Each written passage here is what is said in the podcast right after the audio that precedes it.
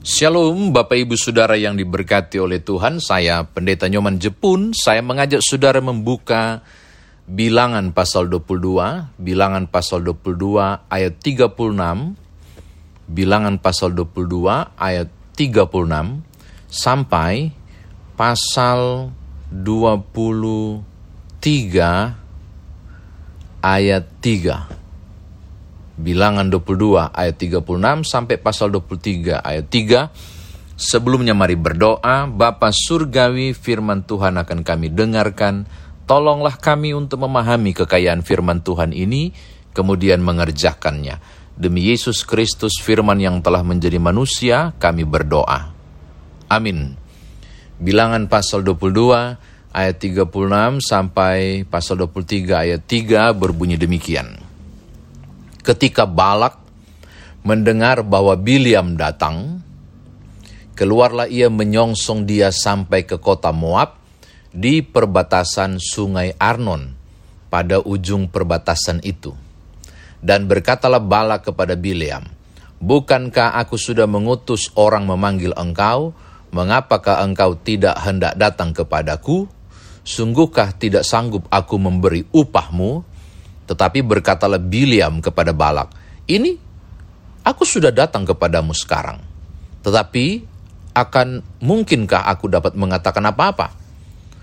Perkataan yang akan ditaruh Allah ke dalam mulutku, itulah yang akan kukatakan. Lalu pergilah Biliam bersama-sama dengan Balak dan sampailah mereka ke Kiryat Huzot. Balak mengorbankan beberapa ekor lembu, sapi, dan kambing domba, dan mengirimkan sebagian kepada Biliam dan kepada pemuka-pemuka yang bersama-sama dengan dia. Keesokan harinya, Balak mengambil Biliam dan membawa dia mendaki bukit Baal. Dari situ dilihatnya lah bagian yang paling ujung dari bangsa Israel.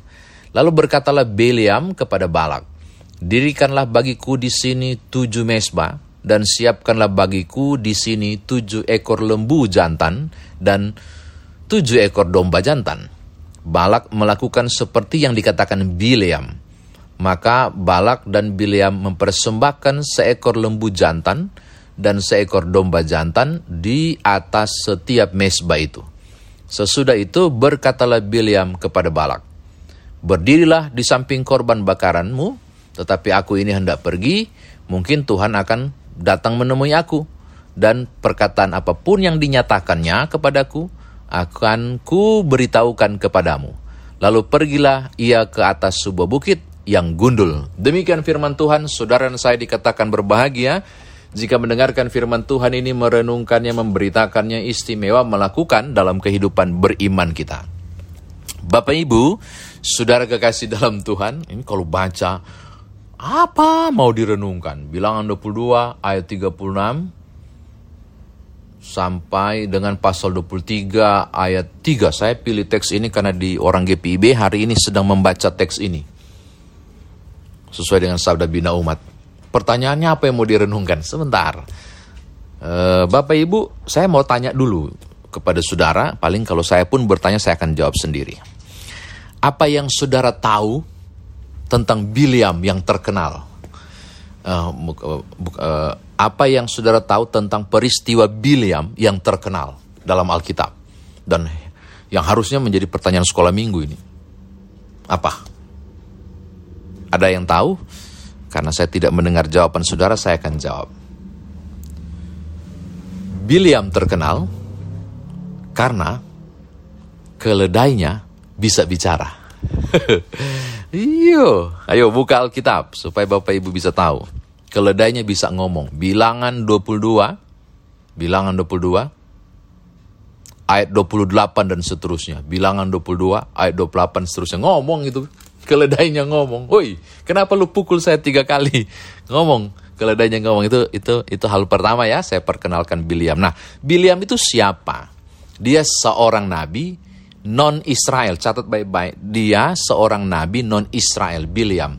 Beberapa kamus uh, uh, kamus Israel, uh, kamus Perjanjian Lama, saya menemukan ternyata Biliam itu biasa disebut sebagai Nabi Mesopotamia. Bukan Israel punya nabi dia. Tapi dia terkenal takut akan Tuhan. Tuhannya siapa? Tuhannya Musa. Yang disembah Abraham, Ishak dan Yakub juga. Jadi orang ini pada posisi benar ya. Sekarang tadi tokoh pertama Biliam. Yang kedua ada disebut di ayat 36 Balak. Siapa Balak? Balak itu Raja Moab. Balak itu Raja Moab. Apa hubungannya Moab dengan bacaan kita? Bapak Ibu kalau baca mulai pasal 20 itu heboh. Moab lagi ketakutan. Karena ada banyak bangsa-bangsa tetangga sudah hancur ketika Israel mulai masuk. Wah, semua daerah-daerah itu mulai hancur ini kan dalam rangka memasuki tanah kanaan tuh. Jadi wah mereka mulai gentar habis kita ini bagaimana kita. Nah Raja Moab kemudian memanggil Biliam Nabi Mesopotamia itu. Tolong baca pasal 22 pasal 22 oh tadi pasal 22 ayat 28 ya yang yang yang keledainya ngomong. Nah, saudara bisa baca pasal 22 ayat 2 dan seterusnya. Dia panggil si Balak, Raja Moab, panggil Biliam.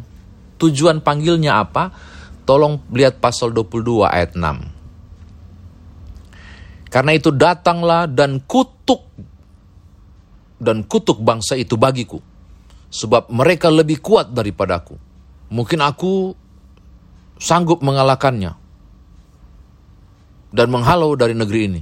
Sebab aku tahu, siapa yang kau berkati, dia beroleh berkat dan siapa yang kau kutuk, dia kena kutuk. Jadi Raja Moab, Balak, minta Bileam, Nabi Mesopotamia, untuk kutuk Israel sebelum mereka serang kami, kau kutuklah. Supaya kalau kau kutuk, saya yakin mereka dikutuk. Kalau kau berkati, saya yakin dia berkati. Jadi Raja Moab mau memperalat Nabi ini, supaya dia menang perang. Oke? Okay? Nah, sekarang mari kita lihat, ternyata Bapak Ibu, dua kali dipanggil, baru dia datang. Kali pertama dia nggak mau, padahal dikasih duit loh. Sampai kali kedua baru datang. Dan ini agak marah-marah Balak bilang begini. Bukankah, lihat ayat 37 bacaan kita. Bukankah aku sudah mengutus orang memanggil engkau? Mengapa engkau tidak hendak datang kepadaku? Sungguhkah tidak sanggup aku memberi upahmu? Karena waktu ke penjemputan pertama dapat duit, dikasih duit dia nggak terima, penjemputan kedua dua kali lipat lagi duitnya. Yang saya mau katakan hal yang pertama adalah Balak mencoba menyogok Nabi ini supaya mengutuki Israel. Dan supaya Israel kalah perang dengan Moab.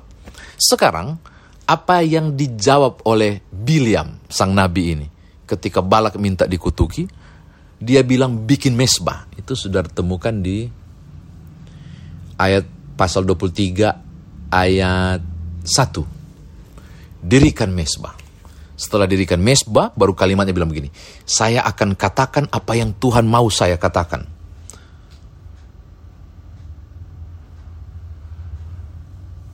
Lihat ayat 3 pasal 23. Berdirilah di samping korban bakaranmu, kata Biliam.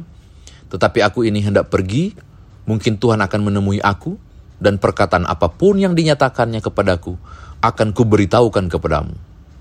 Jadi Biliam tidak memanfaatkan karunia kenabiannya untuk unsur duitnya dan lalu mengutuk Israel. Oh enggak, walaupun Raja Moab perintahkan dia dan minta dia. Tapi yang dia minta adalah sabar.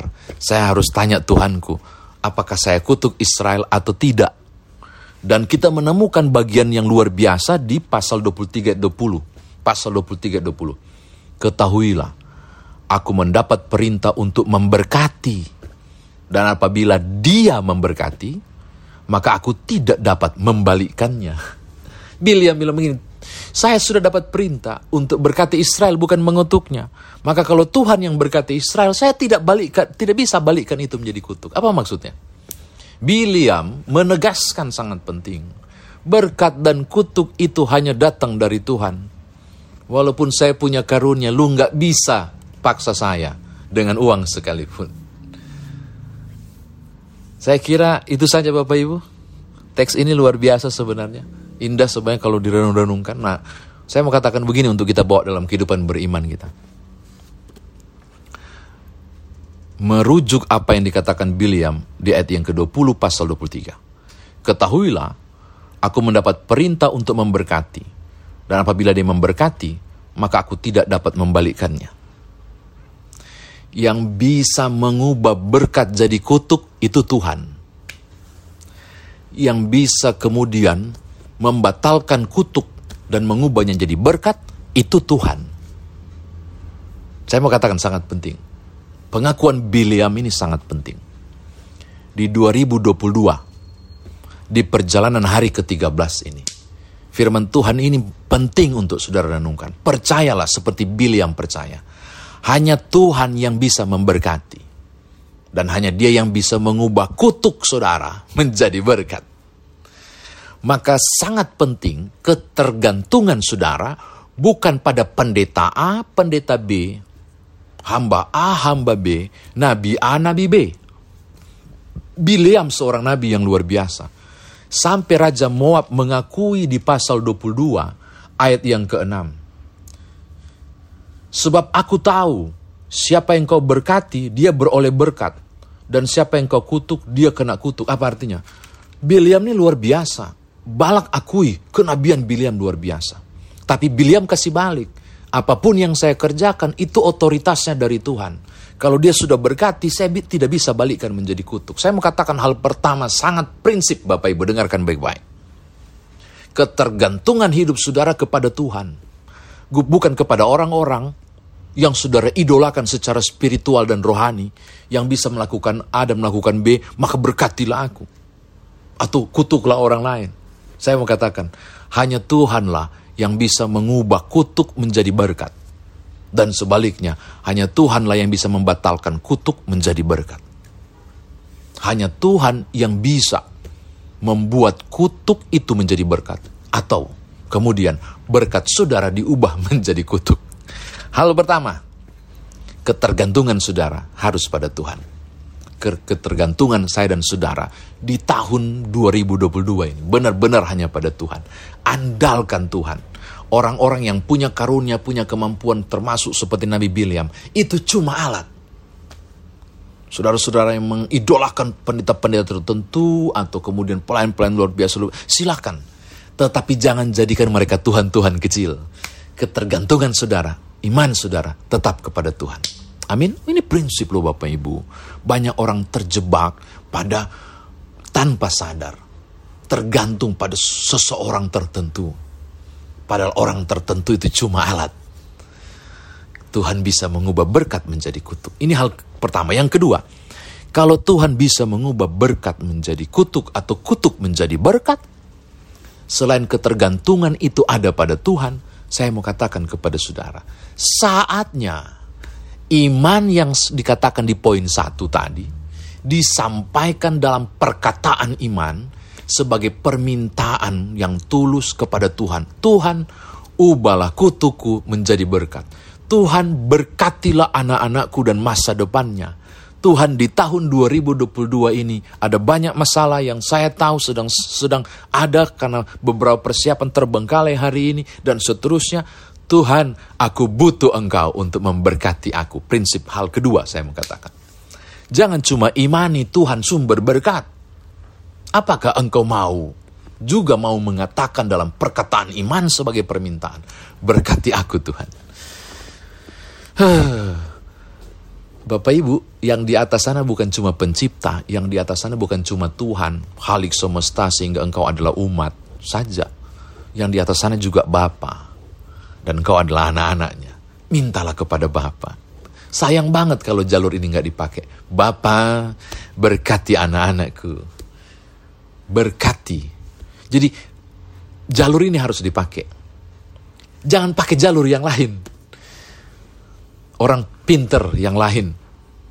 Cari Tuhan yang maha pinter. Yang mampu menyelesaikan masalah. Terakhir yang ketiga. Teks ini ayat 30, 39 pasal eh, 36 pasal 22 sampai pasal 23 ayat 3 mau bicara soal apa? Tidak ada seorang pun yang dapat membayar suatu berkat atau tidak ada seorang pun yang dapat membeli kekuatan mengutuk. Tidak ada. Engkau tidak bisa menyogok Tuhan untuk mengutuki orang lain atau memberkati saudara. Tak bisa. Tidak bisa. Tuhan itu bukan manusia yang disogok. Gak bisa. Lihat pasal 23 19. Allah bukanlah manusia sehingga ia berdusta. Bukan anak manusia sehingga ia menyesal. Masakan ia berfirman dan tidak melakukannya atau berbicara dan tidak menepatinya. Jangan samakan Tuhan dengan rekan kerja atau partner saudara yang bisa disogok. Oh, otoritasnya ada. Jangan membeli berkat Tuhan dengan uang. Tapi saya mau bilang dalam tanda kutip, ambil hati Tuhan lewat ketaatanmu, penyembahanmu yang benar kepada Allah, kedekatanmu dengan Tuhan. Uh, maka Tuhan dengan mudah memberkati saya dan saudara. Penting, bukan dengan uang, tapi dengan ketaatan, kedekatan, penyembahan, dan berbagai hal yang menyenangkan hatinya, membuat Tuhan dekat dengan saudara.